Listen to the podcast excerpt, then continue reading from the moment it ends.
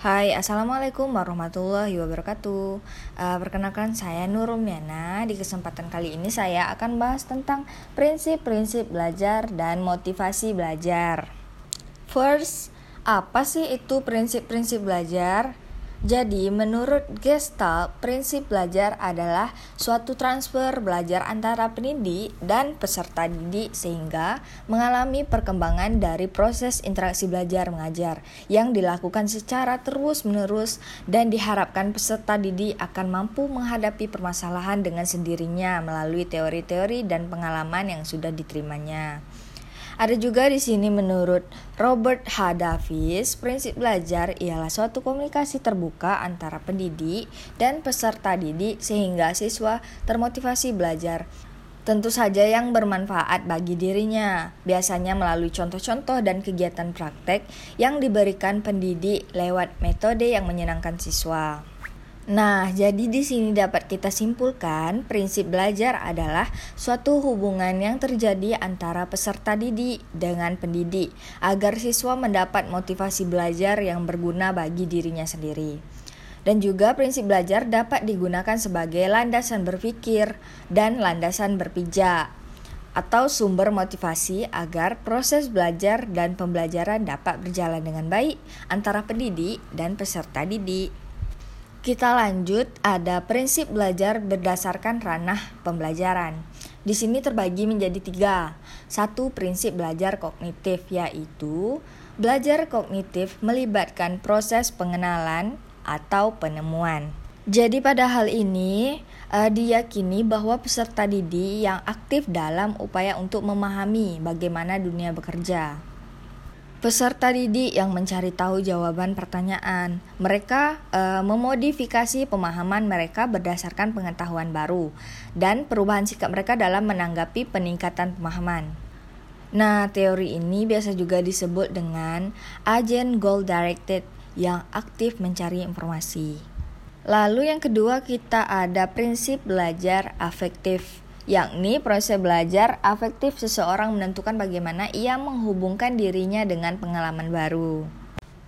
Atau biasanya dilakukan dengan cara uh, siswa mengamati dan menirukan contohnya atau model uh, atau mendatangi objek studi yang dapat memupuk pertumbuhan nilai, berbuat atau berpartisipasi aktif sesuai dengan tuntutan nilai yang dipelajari dan sebagainya.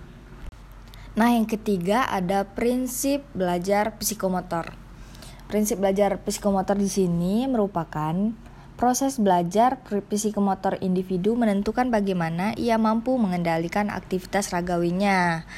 E, maksudnya adalah bagaimana siswa mampu menirukan e, atau menstimulasikan, mendemonstrasikan gerakan yang ingin dikuasainya. Selanjutnya, implikasi prinsip pembelajaran bagi pendidik dan peserta didik. Implikasi sendiri biasanya digunakan dalam dunia penelitian ya. E, jadi e, implikasi itu bisa kita sebut dengan dampak atau konsekuensi langsung temuan yang dihasilkan dari suatu penelitian atau bisa juga dikatakan sebagai kesimpulan dari temuan atau suatu penelitian tersebut.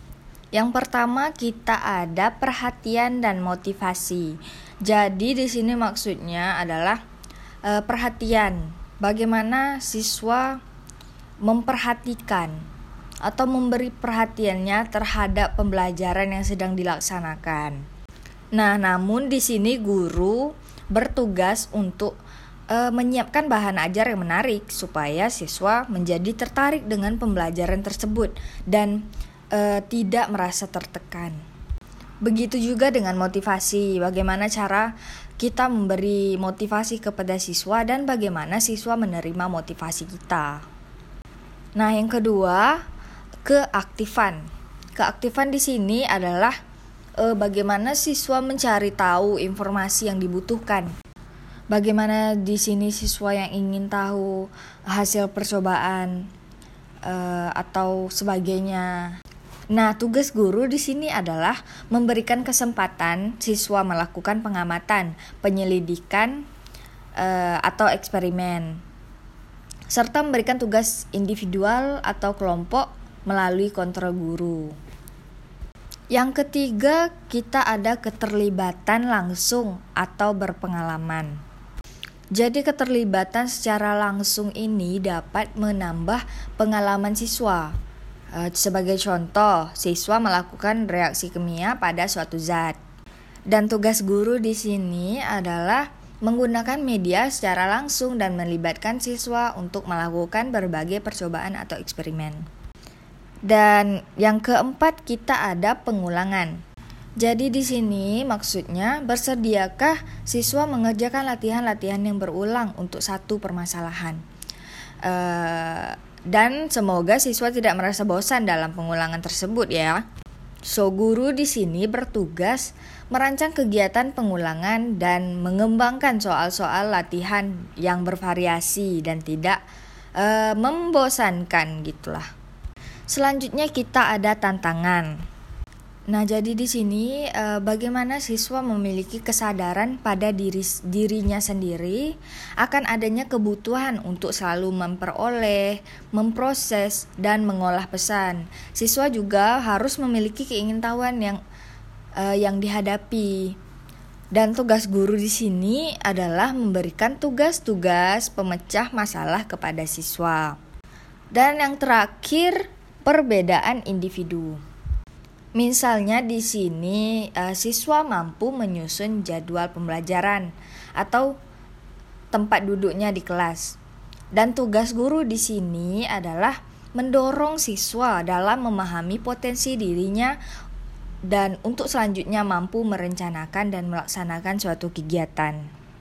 Selanjutnya kita masuk ke topik motivasi belajar. Menurut William J. Stanton yang dikutip oleh Winardi, definisi motivasi ialah suatu motif e, kebutuhan yang distimulasi yang berorientasi kepada tujuan individu dalam mencapai rasa puas. Motivasi terbentuk dari sikap atau attitude seorang siswa dalam menghadapi situation.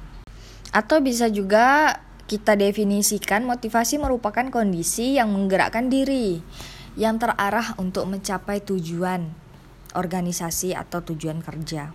Nah, dapat kita simpulkan di sini motivasi adalah bagaimana daya gerak di dalam diri siswa yang menimbulkan e, atau menjamin kelangsungan dan memberikan arah kegiatan belajar yang di mana memiliki suatu tujuan dan diharapkan tujuan tersebut dapat tercapai. Nah, motivasi sendiri memiliki dua komponen, yaitu satu internal, motivasi yang berasal dari dalam diri kita.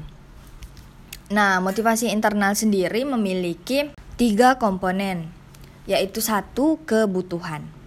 Jadi kebutuhan di sini terjadi bila individu merasa ada ketidakseimbangan antara apa yang ia miliki dan apa yang ia harapkan. Contoh, uh, siswa merasa hasil belajarnya itu rendah, padahal ia memiliki buku yang bisa dipelajari. Ia merasa memiliki cukup waktu, tetapi ia kurang baik mengatur waktu belajarnya. Dan oleh karena itu, siswa mengubah cara-cara belajarnya, mengatur waktunya. Dan yang kedua, kita ada cita-cita.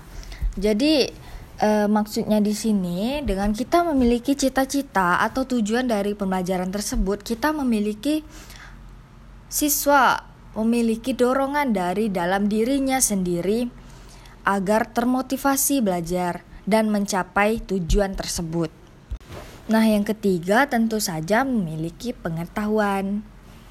Kita lanjut ada juga motivasi belajar yang e, didasarkan dari luar diri kita atau eksternal. Nah, motivasi eksternal ini ada ada yang positif, ada juga yang negatif. Yang positif contohnya e, berupa pemberian hadiah atau iming-iming yang membangkitkan e, minat siswa untuk berbuat sesuatu atau meraih sesuatu. Misalnya di sini guru berkata siapa yang bisa mendapatkan nilai tertinggi akan mendapatkan hadiah stiker bintang dan lain sebagainya. Nah, motivasi eksternal yang bersifat negatif adalah suatu yang dipaksakan dari luar agar orang menghindar sesuatu yang tidak diinginkan.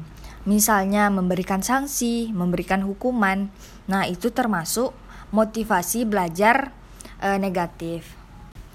Well done. Nah, jadi teman-teman, memahami motivasi dan prinsip-prinsip belajar itu sangat penting ya. Karena dengan cara kita memahami prinsip-prinsip belajar, maka kita akan termotivasi dan semua itu bertujuan untuk kita mencapai hal yang diinginkan di masa depan. Akhir kata saya tutup dengan wabillahi taufik wal hidayah. Wassalamualaikum warahmatullahi wabarakatuh.